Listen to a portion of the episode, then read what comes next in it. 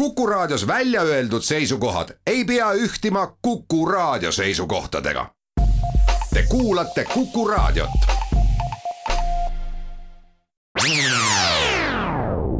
Restart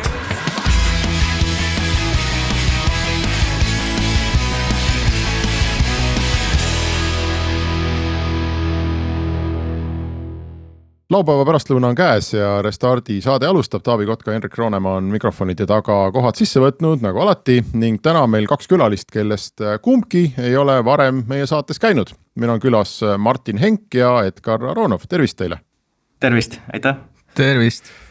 tänane saade on selline, et me räägime Martini ja Edgari ühisest uuest äh, projektist või ühisest uuest idufirmast, mis on jalad alla saanud, seal on oma, oma toode ja koduleht ja kõik nagu on. aga, aga me võiks alustada sellest, et me tutvustame teid, sellepärast et äh, võib-olla teie nimed otseselt ei ütle kuulajale kohe väga palju, aga, aga äh, Martin, sina, sina olid Pipedrive'is. mina olin Pipedrive'is, olin nüüd kümme aastat tagasi üks nendest viiest asutajast ja olin seal üheksa aastat, kuni ma lõpuks sealt ära läksin. ja läksid ise või näidati just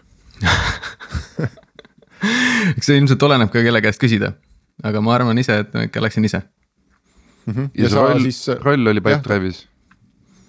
Äh, mul oli selle üheksa aasta jooksul päris mitu rolli ja alustasin sellise tehnilise inimesena, siis juhtisin kasutaja tuge kolm aastat ja ülejäänud aja olin äh, siis äh, tootejuhtide juht kuidas sa sinna Pipedrive'i sattusid, kas sul on ka rääkida, ma ei tea, olid sa Hansapangas või Skype'is või kust need inimesed tulid sinna?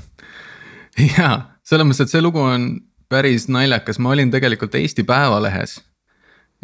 Ragnar Sass omal ajal oli Eesti Päevalehes internetijuht ja temal oli selline kuulutus üleval, et nad otsivad internetispetsialisti. ja mina olin just lõpetamas oma selle esimese startup'iga, mis ma kunagi kaks tuhat neli olin kaasasutanud millel ei läinud hästi ja mul oli tööd vaja ja ma arvasin, et mina olengi see internetispetsialist.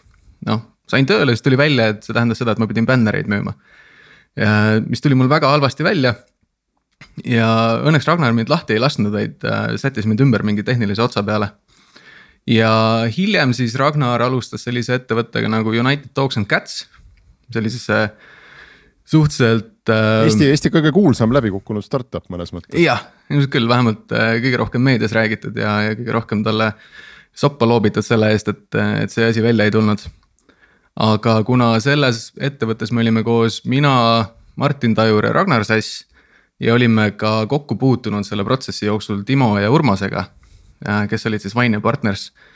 ja aitasid äh, meil oma müügitoru nagu paremaks teha. et siis, kui see kiisu.ee ja kutsu.ee läbi sai, siis me kuidagi sattusime nendega kokku ja nad ütlesid, et nad tahaks ehitada sellise müügitarkvara, mida müügiinimesed ka kasutada tahaksid. ja, ja nii ta läks. nii, Edgar, sina olid äh, sellise idufirma nagu Guana kaasasutaja ja Guana nüüd vist, kui mälu ei peta, sel suvel teatas, et, äh, et rohkem seda firmat ei ole, et, et teekond sai otsa, oli nii? just, oli aga kas see läks nagu äh, pausile või see läks päris kinni ikkagi teil? Äh, see läks päris kinni. aga ma mõtlen, teil olid suured plaanid ja, ja, ja kokkulepped äh, araablastega ja nii edasi, et äh,. et äh, mis seal siis nii-öelda juhtus, et, et kas äh, nii-öelda investoritelt ei tulnud piisavalt raha peale või see ärimudel ei töötanud või mis on selle, mis selle kinnimineku põhjuseks oli? me ise peame selleks, et see oli natukene liiga suur muutus, mida me suutsime nii-öelda mida ma oleks suutnud nagu ellu viia. sest et see toimetas siis teadusvaldkonnas, me üritasime teadlasi koostööd panema tege-, eh, paremini koostööd tegema panna. ja samuti teadusrahastust eh, efektiivsemaks muuta. aga tegu on sellise valdkonnaga, kus eh, idufirmal on üpriski raske läbi lüüa, kuna seal on arengud toimuvad hästi aeglaselt, muutused toimuvad hästi aeglaselt ja siis me, kuigi seitse aastat me oleme toimetanud, suutsime vastu pidada siis me ei suutnud enda seda eesmärki ellu viia. ma saan aru, et idee oli selles, et, äh, et kui teadusrahastust praegu jagatakse noh grantidena selliselt nii-öelda. no ma ei tea, Horizon kaks tuhat on, kirjutab projekti, siis tõenäoliselt noh saad või ei saa, on ju, et mingi komisjon hindab, on ju. seal oli idee selles, et äh, teadlased ise äh, nii-öelda reidivad üksteist ja siis selle tulemusena nii-öelda paremad projektid saavad raha, see oli see idee jah, see oli, see oli üks osa sellest ideest, et siin ongi see näide, ongi see Dubai projekt, mis me tegime, kus Dubai valitsus tahtis pool miljonit dollarit eh, kosmosega seotud uuringute jaoks rahastada. ja siis see protsess toimus nii, et eh, raha pandi välja ja teadlased ise otsustasid, kes peaks rahastust saama, aga noh, see teadlaste oli ka, seal olid mingisugused kriteeriumid peal, nad peavad olema vähemalt doktorikraadiga. et, et mingisugune läveaeg on nagu olemas ja, ja, ja siis nemad otsustasid, kes peaks rahast saama. Ja see teooria seal taga oli see, et inimesed, teadlased, kes selle valdkonnaga tegelevad praegu kõrgel tasemel aktiivselt, et nemad oskavad eh,, oskavad hinnata, kes peaks rahastust saama. Ja samuti, et kui me võtame selle bürokraatia seal vähemaks, et kogu see protsess toimub kiiremini, et ehe näide oligi, et see Dubai projekt toimus kokku kuskil poolteist kuud. et pooleteist kuuga meil oli kuskil kolmsada osalejat, meil oli kuskil seitsekümmend viis ülikooli, mis osalesid, top ülikoolid kaasa arvatud. ja, ja pooleteist kuuga oli raha välja jaotud ja teadustöö hakkas pihta aga ma mõtlengi, et siis äh, lihtsalt ei suutnud ühelegi uuele noh, nii-öelda Dubai sarnasele institutsioonile mm, seda ideed maha müüa, et, et seda platvormi nii-öelda kasutada äh, raha jagamiseks. jah, see oli hästi keeruline protsess, müügitsükkel, mis ma praeguseks oskaks öelda, on kuskil poolteist aastat. Et äh, ja, ja motivatsioonid ei ole ka päris seal, sest et, et üldjuhul teadusrahastust jaotavad välja mingid foundation'id või siis valitsused, aga noh, kui me läksime siis nende juurde Dubai tulemustega, et näed, meil on siin vägevad tulemused, pooleteist kuuga läks nii hästi. et aga noh, neil on niimoodi, et noh, meil on praegu okei okay. et me saame, meil on, meil on, meil on eelarve olemas, me peame selle eelarve välja vaatama. Ja me suudame selle välja jaotada, et meil on tegelikult okei okay,, kuigi noh, me parandasime, me tegime teadlaste töö eh, efektiivsemaks, nemad said rohkem keskenduda teadustööle kui bürokraatiale. aga noh, teadlased ei ole otsustajad, kuidas teadusraha välja jaotatakse, et seal oli mitmeid selliseid protsesse, et see muutus ellu viia, ma usun, et see on võimalik, aga see nõuaks eh, palju rohkem aega. ja ta ei ole võib-olla ka selline noh, startup'ile vastava kiirusega, mida üldjuhul eeldatakse. Te mõlemad olete olete mõlemad nüüd selles mõttes ühe startup'iga vähemalt fail inud, et äh, tahaks küsida sellise spordimehe küsimuse, et äh, et noh, et mis tunne oli või mis tunne on, et, et, et see, kui sa ikkagi saad aru, et, et, et ei tule välja ja. ja noh, ma ei tea, parem mõnnetu lõpp või kui, kui lõputu õudus on ju, et. Et äh, oskad seda kuulajatele üldse selgitada, et, et mis, mis mõtted siis peas üldse toimuvad, toimuvad, et kui on see arusaamine, et, et vist ei tule välja ja ikka nüüd tuleb see noh. Step seal ära tõmmata, eks, et äh, ma ei tea, Martin, sulle see nii ammu see, see hetk, see, kus sul see läbikukkumine oli, et või no mis läbikukkumine, noh, see nii-öelda. esimene startup ei tulnud välja, ega see, see ei ole läbikukkumine iseenesest. no eks ikka on, minu meelest on see täiesti okei okay kasutada seda sõna ja neid oli rohkem, noh selle nende aastate jooksul ikkagi päris mitu sellist äh, projekti sai alustatud ja ei jõudnud kuhugi, et noh, erinevad kaugused. ja iga kord on olnud noh, ühest küljest kindlasti kurb meel, aga teisest küljest hästi palju on olnud õppida ja, ja see ongi kogu selle protsessi juures äh, kõige põnevam. et äh, väga suur osa sellest, et Pipedrive õnnestus, oli sellel, et me olime õppinud sellest äh, kutsu.ee äh, noh, ebameeldivatest kogemustest väga palju, teinud endale märkmeid ja oskasime neid samu vigu siis vältida järgmises ettevõttes aga sul olid ikkagi noh, teil olid seal kuulsad investorid, et äh, ma mäletan Raivo Hein vist elas väga üle seda, et ta kaotas raha seal ja nii edasi, on ju, et. Äh, et äh, noh, ikkagi äh, kas sa suudad selgitada seda nagu seda tunnet, et noh, ma seda a la, et. et kui seltskonnas Raivo Heina näed nüüd, et noh, kas siis vaatad sirge näoga otsa või, või pigem lähed nagu jooksed kuhugi nurga taha? ei no vaatan ikka sirge näoga otsa ja õnneks minul temaga isiklikult ei olnudki nagu nii suurt äh, probleemi, et, et seal oli ikkagi tema ja Ragnari vahel vist rohkem see äh, see Gizmo. aga noh, see ongi äh, idufirmadesse raha paigutamine ongi riskantne ja ma arvan, et äh, aastal kaks tuhat üheksa võib-olla enamus inimesi, kes seda Eestis tegid, ei olnud seda veel päriselt taibanud. ja aru saanud nendest riskidest, samamoodi ka minu meelest arengufond oli natukene nagu üllatunud selle üle, et võib juhtuda, et äkki nendest ei saagi järgmist Skype'i. et noh, tänaseks ma arvan, et on hästi palju selgem see arusaam, et et kui väike on see võimalus, et mingisugusest idufirmast saab selline tohutu suur järgmine hitt aga ma ütlengi, et see vist, äh, see vastutustunne ikkagi ka tundub, et Eestis vähemalt äh, on suurem, et äh, ikkagi startup, kui ta näeb, et tal välja ei tule, siis ta ikkagi nii-öelda noh. Noh, nii-öelda üritab noh lõpuni või et. et ütleme nii, et võrrelda näiteks mingite Silicon Valley näidetega, mis mul õnnestunud näha, et siis lendab see püss seal nagu märgatavalt varem kuidagi põõsasse, et noh, et pannakse seitsekümmend miljonit põlema ära ja siis läheb noh, et ei ikka vist tundub, et ei tule ja noh, nii-öelda kiirustatakse juba järgmist tegema, sellepärast et on näha, et siit ei tule miljardit, eks on ju. et äh, kuidas sul endal, Martin, on mulje jäänud nende aastate jooksul? No Eestis kindlasti on see vastutustunne väga palju suurem, äh, paljudel põhjustel, noh, üks ongi see kultuuriline taust, et noh, see läbikukkumine Eestis ei ole nii aktsepteeritav. teine asi on see, et äh, ka noh äh,, turg on väiksem, kõik tunnevad üksteist sa isiklikult tegelikult tunned väga palju suuremat vastutust ja, ja eks eestlane ilmselt on ka väga palju sellisem jäärapäisem ja, ja noh, proovime ikka ja äkki ikka tuleb välja ja, ja noh, mõnikord tulebki noh. Aga Edgar, kõrvalt vaadates teie Guana lend oli, noh, see oli minu meelest algusest peale see teie ettevõte oli fenomenaalne.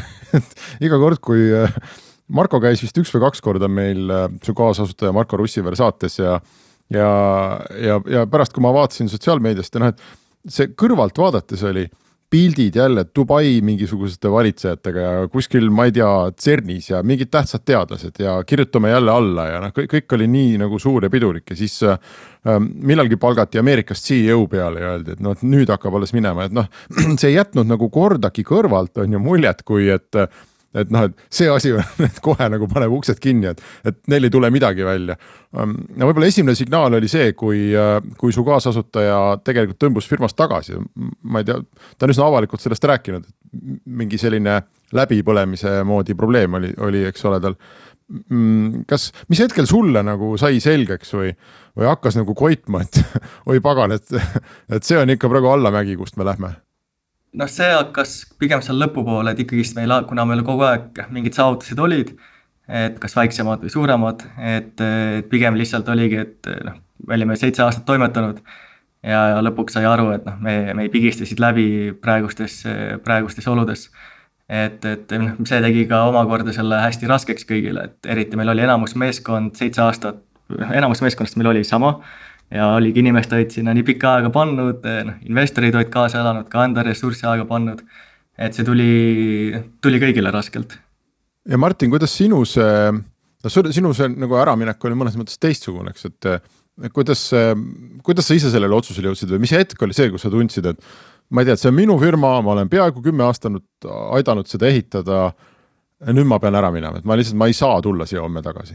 kuidas, kuidas sa selleni jõudsid? No eks see niimoodi tasapisi tekkis, et noh, ma arvan, et igal inimesel on mingi teatud äh, selline firma suurus, mis talle väga hästi sobib. ja me alustasime viie inimesega ja kui mina lahkusin, oli seal üle viiesaja inimese ja. ja praegu on? üle kuuesaja, ma arvan. okei okay,, no sama suurusjärk mm -hmm.. jah, et äh, eks ma nagu üritasin venitada seda, et, et mis olukorrad on mulle okeid ja pidevalt panna ennast sellisesse äh, Äh, uude situatsiooni, et noh, tihtipeale sai rolli vahetatud, sai mitu korda ka kontorit vahetatud, et Californiasse kolitud ja, ja lõpuks Lissaboni kolitud. ja, ja noh, see aitas kuidagi äh, tasakaalustada seda, et mulle see suure firma värk tegelikult ikka liiga palju ei meeldi.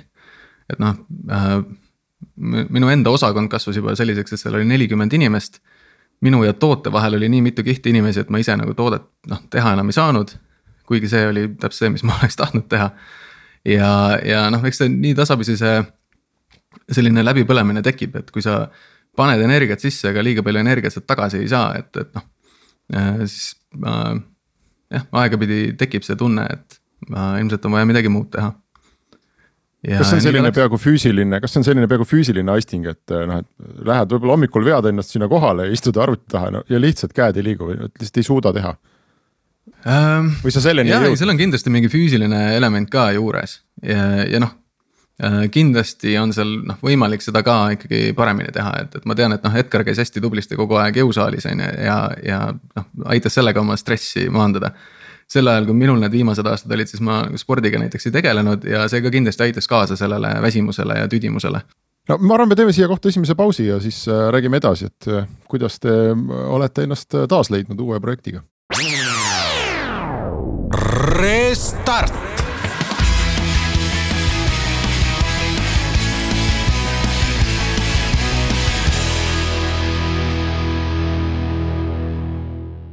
Restart läheb edasi, Taavi Kotka, Henrik Roonemaa juhivad saadet ja meil on külas äh, Martin Henk, kes oli Pipedrive'is ja Edgar Aronov, kes äh, oli Guanas ja me just lõpetasime lõigu sellest, kuidas äh, erinevatel põhjustel nad kumbki enam ei ole seal, kus nad pikki aastaid töötasid ja, ja mida üles ehitasid, aga on tegemas koos uut asja.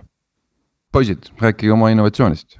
ja, et siis võin siis alustada, et paar kuud tagasi, mõned kuud tagasi, või noh, tegelikult aasta alguses, kui hakkas see koroonakriis hakkas pihta ja toimus igal pool lockdown'id, siis oli üks valdkond, mis hakkas sellest hästi palju kasvama ja nimelt see oli online häkatonide korraldamine, kus inimesed kogunesid digitaalselt, et lahendada probleeme ja, ja luua innovatsiooni et kuigi see valdkond oli eelnevalt ka olemas hästi spetsiifilistes nišš kommu-, eh, nišš kommuunides, siis nüüd ta kasvas laiali igale poole.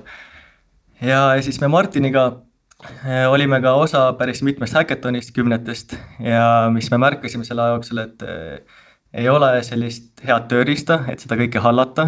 haldamise all me siis mõtleme, et sa kogud osalejaid, kogud ideid, seal on mentorid, hindajad, kommunikatsioonisüsteem. Et sellist asja ei olnud, et tehti, kasutati Google Foorme, Google Spreadsheet'e, aga noh, kui sul on sadu, kui mitte tuhandeid osalejaid, siis see on väga suur segadus seal, et noh, meil isegi oli üks häkaton, kus oli nelikümmend tuhat osalejat, et et, et noh, selliseid asju hallata spreadsheet'is on, on jah, õudusunenägu. et siis meil, meil on Martiniga kusjuures niimoodi, et me otsustasime üks hetk, et hakkame seda koos tegema, et see kuidagi tõmbas meid nagu sisse, et me isegi nagu ei rääkinud korra, kordagi sellest, et noh, hakkame seda tegema, et kuidagi üks asi viis teiseni.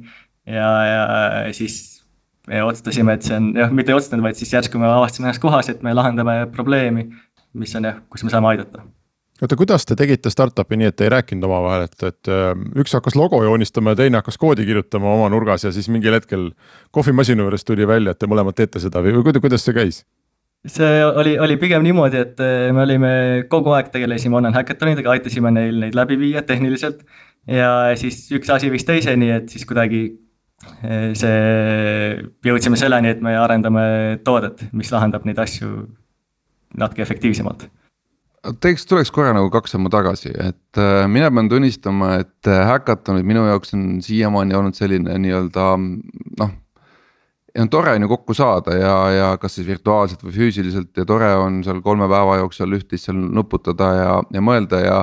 ja noh, nihukesed sellised ettevõttesisesed häkatonid näiteks see, et me mõtleme, kuidas me omaenda ettevõtet paremaks saame ja nii edasi ja ja uusi tooteid ja nii edasi, et nendesse ma isegi usun, aga ütleme nii, et sellised äh, noh, tuleme reedel kokku, pühapäevaks peab olema midagi valmis, tüüpi üritused, noh kuidagi ei ole mind, mul nagu, kuidas ma ütlen, ei ole ennast ära müünud mulle, et nad üldse võiksid töötada, mis neist kasu on, et okei okay,. võib-olla mingi üks idee või kaks idee, noh pilvekest sealt tuleb, on ju, aga noh, ütleme nii, et nad surevad sama ruttu, kui nad tekkisid, on ju, et et kas me oskame kuulajale tõlkida seda, et, et miks see on üldse mingi töö või koostöövorm, mida tasuks silmas pidada. et oskab keegi nagu lahti rääkida seda poolt, miks seda vaja on ikkagi üldse? oo oh jaa, selles mõttes, et äh, ilmselt tuleb ikkagi ise nendest osa võtta, et sellest äh, päriselt aru saada. et milline meeletu energia on nendel üritustel, et see oli ka üks asi, mis mind sinna sisse tõmbas. et näha, kuidas üle maailma tulevad sajad ja tuhanded inimesed kokku ja, ja nad päriselt möllavad seal äh, vahet pidamata ööd ja päevad ja, ja noh, genereeritakse täiesti fantastilisi ideid, mille peale ise ei oleks iialgi tulnud ja tihtipeale on ka need tulemused, noh tõesti, mida suudetakse nii lühikese ajaga valmis teha, on kohati ikkagi täiesti fantastika. üks hea näide, mida tihtipeale esile tuuakse, on see, et äh, Garage nelikümmend kaheksa tegi mõned aastad tagasi Valgevenes häki. ja selle häki tulemusena loodi selline tarkvara nagu Masquerade, äh, mis mõned kuud hiljem müüdi Facebookile maha saja miljoni dollari eest. Et äh, see päris ikka nii ei ole, et seal ainult mõned üksikud mingid ideed, pilved tekivad ja pärast nendest midagi ei saa ja neid äh, edulugusid on olnud veel äh,. aga noh, teisest küljest ka näiteks, et mis nendest kasu on, näiteks meil oli eelmine nädalavahetus äh, selline global hack äh, Valgevene.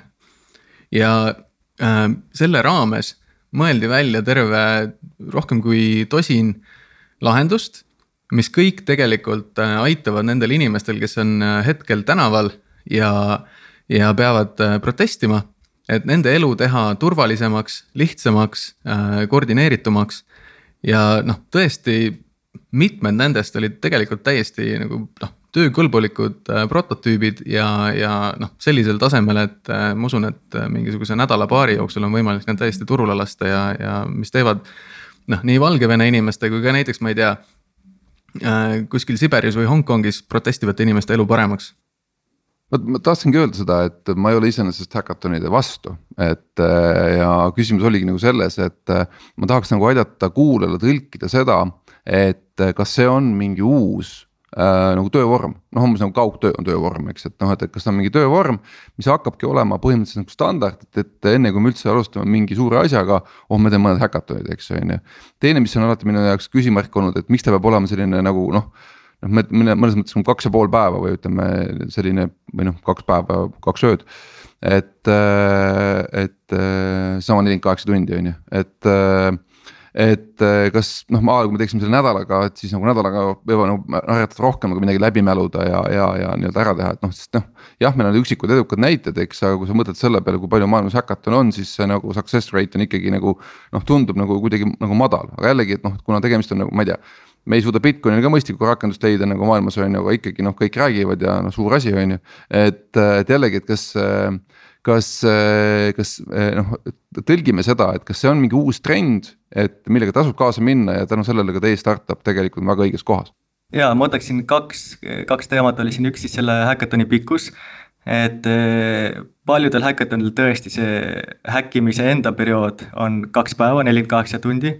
aga üldjuhul häkatoni terviklik pikkus on kuskil selline noh, keskmine kolm nädalat, et sa kogud, sa jagad infot vahetad infot ja siis hakkab see nii-öelda eh, häkkimine pihta, aga noh, me oleme näinud ka häkatone, kus ei ole mitte nelikümmend kaheksa tundi, vaid häkkimine kestabki nädal, eh, umbes nädal aega. et eks see sõltub ja, ja lihtsalt oluline on see, et noh, et momentumit ei kaotaks ära, et inimesed ei viitsi seitse päeva järjest mingit asja niimoodi häkkida kus nad ei saaks töö juurest ära, ma arvan, nädalavahetus on vaba, on ju, aga noh, ütle, ütle tööandjale, et kuule, et ma nüüd nädal aega olen kuskil koopas. mu küsimus ongi, et see, et äkki see ongi nagu uus töövorm, mis tähendab seda, et me noh, töö juures töötamegi niimoodi, et meil ongi siuksed nädalad, kus me nii-öelda häkime omaenda business'it, on ju.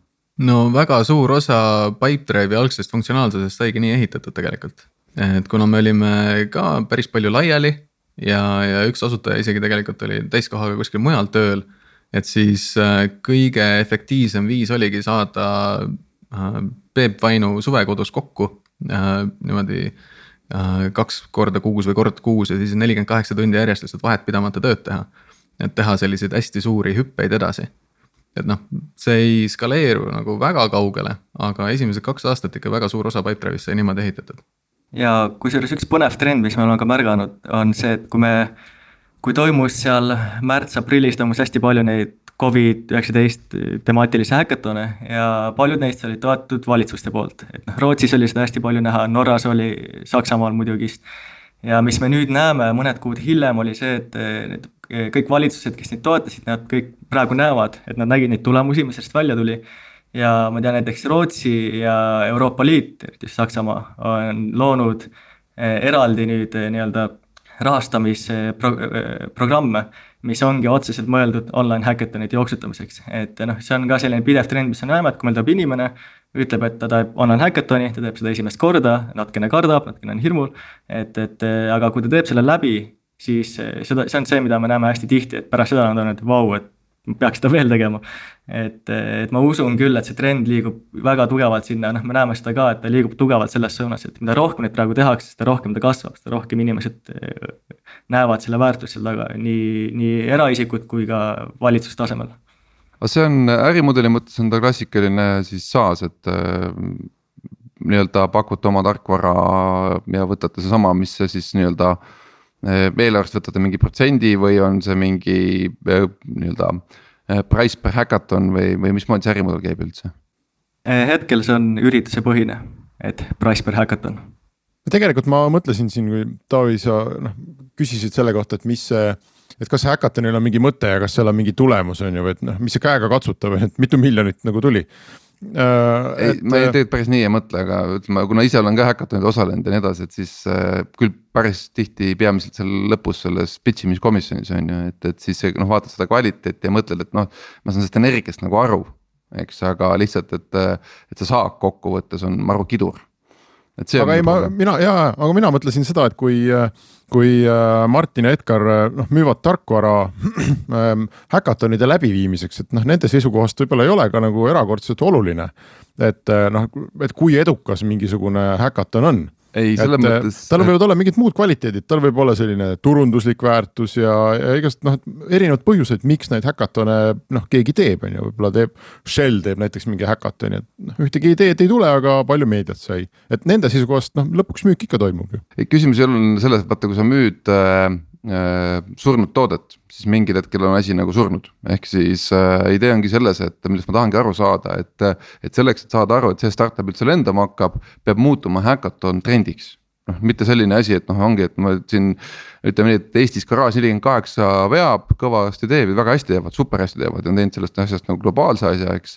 aga ütleme nii, et kui palju meil seal kõrval nagu nii-öelda alternatiivseid lahendusi on, kes ka niimoodi punnitaks. ega ma väga ei tea, et oleks, on ju, et eh, noh. Seal... mina ka enne ei teadnud ja nüüd, kus me sellega tegeleme, siis me avastame, et tegelikult on pea igas riigis üks või kaks sellist seltskonda nagu Eestis on Garage nelikümmend kaheksa, kes on ka seda tegelikult aastaid ja aastaid teinud. et just äh, paar päeva tagasi suhtlesime Hack Zürichiga, et neil on äh, tundub äh, selle järgi, et Saksast nagu pea igas suuremas linnas mingi seltskond tegelasi. kes teevad üks või kaks üritust aastas ja juba aastaid. siiani küll tihtipeale tehtud neid kohalikul tasandil, et noh, füüsiliselt tuleb kohale tulla, aga pea kõik on nad nüüd kolinud kas täielikult või osaliselt äh, internetti. ja kõik, kellega me räägime, ütlevad, et äh, plaan edaspidi on teha seda online osa suuremaks. kuna seal on ikkagi see võimalus, et äh, väga palju rohkem inimesi saab osaleda. inimesed, kes ei pea olema füüsiliselt nii lähedal sellele kohale, võib-olla ka inimesed, kes ei tahagi minna neljakümne kaheksaks tunniks kuhugi higistama teistega koos niimoodi õlg-õla kõrvale. vaid et saavad oma kodus seda mugavalt teha ja, ja noh, ilmselgelt on see trend läheb tõusujoones ja nagu Edgar mainis, et see, et need riigid nüüd toimetavad nende riigihangetega, näitab mulle ka seda, et, et see. Äh, mis võib-olla aasta alguses oli selline noh, vabatahtlike poolt äh, kokku kiiresti klopsitud üritus. on saanud sellise noh, pitseri peale, et riigid nägid, et see on tegelikult väärtus ja nüüd hakkame seda korralikumalt tegema ei, see arusaadav, aga noh, ütlengi, see küsimus ongi selles, et kui sa võtad täna price per hackathon, eks võtad tasu, ma ei tea, mis te võtate, viissada eurot, tuhat eurot. et äh, selleks, et miljon kokku saada, on vaja siis teha nagu päris palju häkatone selleks, et. Et noh, ühesõnaga start, start, startup'il ikkagi volüümi oleks ja sellepärast ongi noh, minu jutu point või mõte selles mõttes oluline, et. kui ta muutub äh, selliseks trendiks, et noh, iga normaalne ettevõte teeb endale häkatone ja kutsub aeg-ajalt appi endale mingit muud jõudu. et see on, ei ole enam nagu nii-öelda noh, ühe-kahe seltskonna kaks korda aastas hobi. vaid ongi täiesti normaalne äriosa, et me teeme, ma ei tea, kord kvartalis teeb iga ettevõte ühe häkatoni. et siis on see ju startup absoluutselt õiges kohas ja õiget asja tegemas ja nii-öelda siit saab ainult noh, suur võit välja tulla, eks on ju, et et ma ei tea, aga rääkige oma, võib-olla me kasutame võimalust, et me siin eetris oleme, et rääkige oma Excel lahti et, et mis seal, et, et kas tegemist on sellise noh, et, et seda võib ju ka vaadata kui sellist kihvti nagu suveprojekti või rebound projekti on ju. aga me teeme siia pausi ja siis ma, siis ma lasen teil rääkida, et palju teil on raha plaanis tulevikus teenida. Restart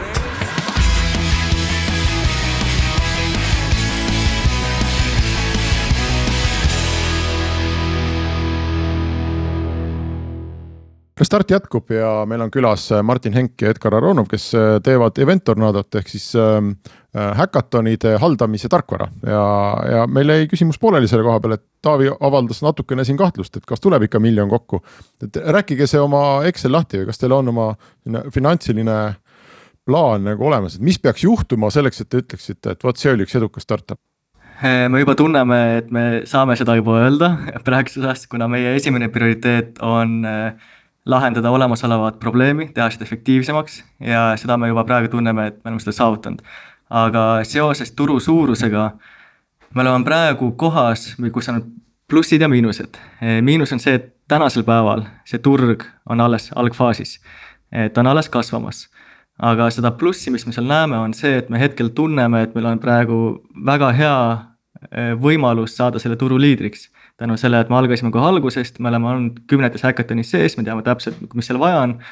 ja, ja, ja meie nii-öelda panus sellele on see, et see turg kasvab ja ta saab standardiks, eriti just tehnoloogiaettevõtete vahel, samuti ka valitsuste vahel et, et. Äh, aga arusaadav siis..., aga anname ikkagi kuulajale mingi tunnetuse, et selleks, et äh, ütleme, ma ei tea, äh, teil tekiks sada kilo MRR-i äh,. Mitu häkatoni peaks toimuma kuus? vot hea küsimus, ma ise, ise, meie iseenda eesmärk on, et saada kuskil, et kui me saame, kui me saame iga kuu, kui inimene tuleb meie leheküljele ja seal on viiskümmend kuni sada häkatoni jooksmas erinevates, erinevatest riikidest, erinevatest valdkondadest siis, siis me tunneme, et me oleme seal edukad olnud. okei okay,. aga täna viis... ma, kui ma lähen teie kodulehele. matemaatika läbi, et äh, no. kui on viiskümmend äh, seda äh, häkatoni jooksmas äh, igas kuus äh,.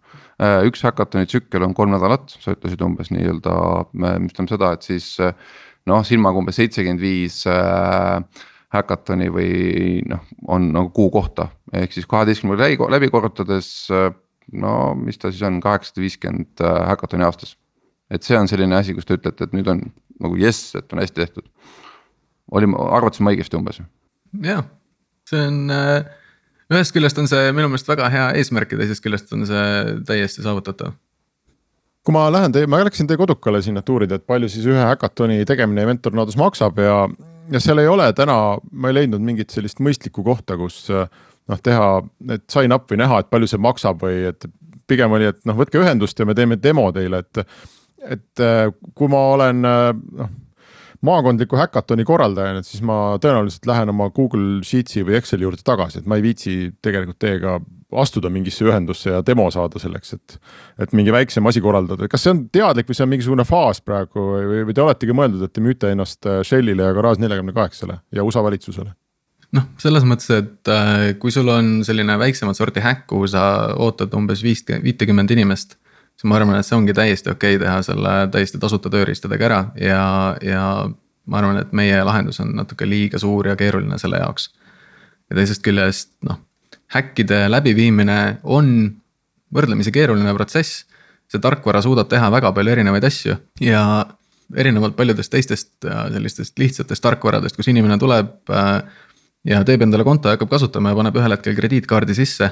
et antud juhul on tegemist ikkagi rohkem sellise enterprise tüüpi müügiga, kus me teemegi demo, me näitame, kuidas see kõik toimib ja, ja ühtlasi ka noh, ühest küljest õpime kliendi käest tema vajaduste kohta, teisest küljest saame nagu teha ettepanekuid, et kuidas me oleme näinud, et kuidas paremini asju läbi viia. et see tihe kliendi suhtlus juba kohe esimesest kontaktist saadik ongi selline eripära meil. aga kes on, kes on enterprise klient häkatonile? kas ongi need, nagu Taavi ütles, et firma siis, ma ei tea, Microsoft teeb häkatoni on ju, et siis noh, võtab aastaks litsentsi teie käest või kuida-, mis, milline see turg on? no seal turul on erinevaid äh, seltskondi ja valdav enamus neist on ikkagi äh, sellised väiksed ettevõtted, kes korraldavadki häkatone teiste suuremate äh, ettevõtete või riikide jaoks näiteks. aa, teenusepakkujad jah.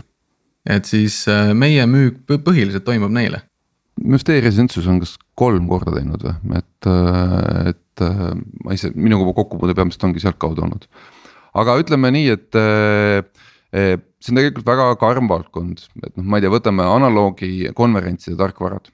et, äh, et seda probleemi on ka nagu püütud maailmas ära lahendada, et, et noh, tekitada nii-öelda de facto standard siis konverentside. noh, ma ei tea, agendade haldamiseks, kogu suhtluse haldamiseks, erinevad meet-up'id ja need muud asjad, et noh, et kõik räägivad seda õudselt vaja ja mina, kes oma eelmise töö tõttu väga palju olin sunnitud konverentsidel esinema noh, iga konverents on uus äpp, uus mingi jama ja lõpuks sa noh loobud, lööd käega, et ah ei noh, ma pigem loen seda pakat siit paberi pealt on ju, et, et see on nagu kõige mõistlikum asi üldse on ju.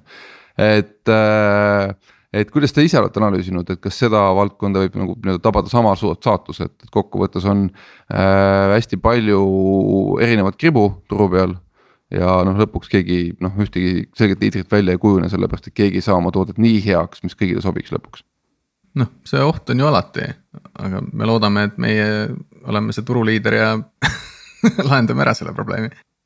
et hetkel küll vähemalt, mis me oleme näinud, eelmiste häkatonidega, et et, et pigem see struktuur on olnud ikkagist üpriski sarnane, isegi erinevate riikide vahel, me oleme teinud häkatone Euroopas, USA-s, Aafrikas isegi. ja, ja jah, see on tõesti, see on üpriski sarnane üldine struktuur, et, et. kes teid rahastab? Martin, ise teete, Ragnar kindlasti äh,. hetkel on jah äh,, põhiline rahastus minu poolt jah. ja siis äh, esimene round tuleb millal? kas tuleb? kas peab tulema? aa, see on hea küsimus, need sellised startup'id, kes suudavad kiiresti skaleerida ilma välise kapitali kaasamiseta, olles ainult ühe baasi, baasinvestori peal. Neid pole väga näinud Eestis. Aga samas tegelikult Martin võib ju sinu käest küsida ka, et kas sa üldse tahad sellest teha nagu startup'i, kogu selle värgiga, mis seal kaasa käib, on ju, round'id, investorid, rahastused, hokikepid ja kõik asjad, et sa oled selle nagu läbi teinud mingis mõttes, et võib-olla sa tahad ise ehitada endale sellist noh mõnusat, äh, mugavat asja, kus toode on, sa oled lõpuks ometi toote juures ja ei kavatse sealt kunagi ära minna. jaa, noh, ma arvan, et siin tuleks äh, selgitada seda, et äh, mis on viimase, ma arvan, et mingi viie-kuue aasta jooksul turul toimunud. et kui varem oli selline hästi mustvalge arusaam, et on startup, mis tõstab hästi palju raha, põletab seda nagu suure leegiga ja siis on nagu miljard või mitte midagi, on ju. et need olid kaks võimalikku lahendust ainult ja siis olid see startup ja teine variant oli siis see äh, elustiili ettevõte äh,, mida siis natuke nagu põlgavalt öeldi äh, firmade kohta, kes ei tõstnud palju raha, kes ei kasvanud kiiresti ja ei põletanud siis nagu suure heleda leegiga. ja viimasel ajal ma näen, et see trend on nagu väga tugevalt muutumas äh,. nii Eestis kui ka mujal maailmas üha rohkem ikkagi ettevõtteid, kes kasvavad mõistliku kiirusega, kes suudavad tegelikult raha ka teenida, selle asemel, et lihtsalt nagu noh, põletada investorite raha kasvu nimel äh, suudavad luua sellise olukorra, kus nad teenivad raha, investeerivad oma kasumit sinna ettevõttesse tagasi. Ja minu jaoks on ta endiselt startup ja lihtsalt see oleneb definitsioonist, et kui me ise liigume kiiresti, me oleme meeletult efektiivsed, ma ei ole nagu tükk aega näinud ühtegi äh, tooteorganisatsiooni, mis nii kiiresti liiguks, kui meie oma on praegu liikunud ja endiselt liigub. ja noh, kõikide nende punktide järgi ma endiselt pean seda startup'iks ja ma kindlasti ei arva, et, et see eeldus peaks olema nüüd, et äh, mingeid miljoneid vaja tõsta ja, ja hakata seal noh, kuidagi kunstlikult seda skaleerima? Ei, seda kindlasti mitte ja sul on täiesti õigus selle koha pealt, et äh, see trendi muutus ongi just selle koha pealt, et investorid on ka tahavad näha äh, nii-öelda joone alla. Äh, et ettevõtte võimekust teenida midagi, mitte ainult siis nii-öelda udujutajad ja, ja, ja, ja, ja kuhugi, kuhugi tulevikku investeerida et see kindlasti see suur muutus on olnud, pluss see, et lõpuks ometi ka meil on Eestis oma kapitali, et noh, et, et ongi, et kui Eestis enda ettevõtted hakkavad miljardi peale kasvama ja, ja sealt tehakse exit eid või. Äh, noh, isegi kui sul on mõni protsent sellest ettevõttest, sul tekib nagu piisavalt kapitali, et teha uut asja päris oma rahaga, et see on täiesti normaalne näha. aga küsimus ongi selles, et kui sa nagu tahad võtta uues valdkonnas turu päris enda kätte, et siis kokkuvõttes peaks noh, sõnumit kõvasti edasi nii-öelda kandma ja, ja nii-öelda kuulutama, eriti kui sul on enterprise sale on ju, mis tähendab seda, et sul on noh, üks-ühele kontaktid põhimõtteliselt on ju. et, et selles mõttes oli küsimus, et kas on äh, noh, plaan nagu sinna ka siis suurem rahamass kaasa võtta või mitte. Mulle Martini juttu kuulates tuli meelde äh, ettevõtte nimega Basecamp, ma ei tea, kas Martin, nemad on su eeskuju et nad, nad on kogu aeg rääkinud sellist nagu anti-hokikepi, anti-startup'i juttu on ju, et ei pea kogu seda jama läbi tegema, et noh, näete, et meil on jumala edukas nagu kasumlik ettevõte, kus äh, kõik asjad käivad nii, nagu meie tahame ja, ja vot me ei noh, me ei kavatsegi kunagi siit teistsuguseks saada. hetkel sa naersid, sa vist said, sa tead seda Basecampi lugu, ma vaatan. absoluutselt ja et, et jah minu jaoks isiklikult, no ma loomulikult äh, Basecamp äh, väga tuntud ja omal ajal meil oli isegi Pipedrive'i kontoris mingid nende raamatust välja paljundatud lehti inspiratsiooniks üles riputatud aga minu meelest on nad viimasel ajal jube negatiivsed. et noh, kuidagi tahaks äh, võtta pigem ette näiteks äh, Zapieri või Bufferi või Wistia. Äh, kes on kõik rõõmsalt enda investorid välja ostnud, kes on kasumlikud ja, ja positiivsed ja hoiavad seda lippu kõrgel ilma, et nad peaksid konstantselt mingisugust soppa loopima nende firmade pihta, kes on raha tõstnud, sest et noh. minu meelest on see täiesti mõistlik viis mingite ettevõtete jaoks kasvada kiiresti, kui sul on selline selline valdkond, mis nõuab äh, raha tõstmist ja sa saad seda teha ja sulle meeldib see. siis noh, selles ei ole ju midagi halba ja, ja noh, kõik need edulood, mis meil on, et alustada Skype'ist, Transferwise'ist või, või Boltist või Pipedrive'ist Need on ehitatud ju tegelikult suured ja uhked asjad ja, ja kindlasti on see väga kasulik olnud väga paljudele inimestele ja kogu Eestile tervikuna. et seal ei ole ju midagi halba. aga noh, peaks säilima ka siis võimalus seda teistmoodi teha. ja, ja ma ei oska küll öelda, kumb nüüd nagu parem on ja kindlasti ei peaks nagu ühe või teise suhtes nagu kuidagi äh, põlastavalt suhtuma kuidas teil üldse rollid praegu jaotuvad, et kes, kes, kes teist mida teeb seal ja kas te olete ainult kahekesi? Äh, meid on kokku praegu äh, viis inimest, kes, äh, kes meil kaasa aitab ja Martin siis keskendub toote peale sada protsenti, on meil arendusjuht. ja mina keskendun müügi peale, operatsioonid ja siis tegevjuhi rollis. ja kood tuleb, kas ostate sisse või on teil palgalised arendajad? pigem nagu ostame sisse, aga meil on kaks kutti kellega töösuhe on selline nagu lepinguline või noh, selles mõttes, et nad ei ole meil äh, täiskohaga tööl, aga nad äh, nagu iga päev kaheksa tundi programmeerivad meie heaks. et see ei ole läbi mingi agentuuri, vaid on lihtsalt nagu otse. ja, ja hetkel äh, toimib väga suurepäraselt see lahendus.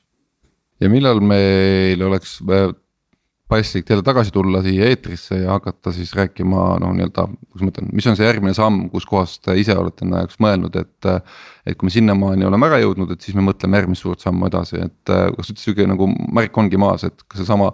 seitsesada viiskümmend, kaheksasada viiskümmend häkatoni aastas teie platvormil, et kas see on see hetk, kus me nii-öelda ütleme, et nii et esimene suur faas on läbi, et nüüd on järgmine suur faas vaja ette võtta, et, et millal meil põhjust on jälle kokku saada ma arvan, äkki aasta pärast aga, aga absoluutselt jaa, et meie, meie esimene eesmärk on äh, muuta häkatonide korraldamine palju lihtsamaks.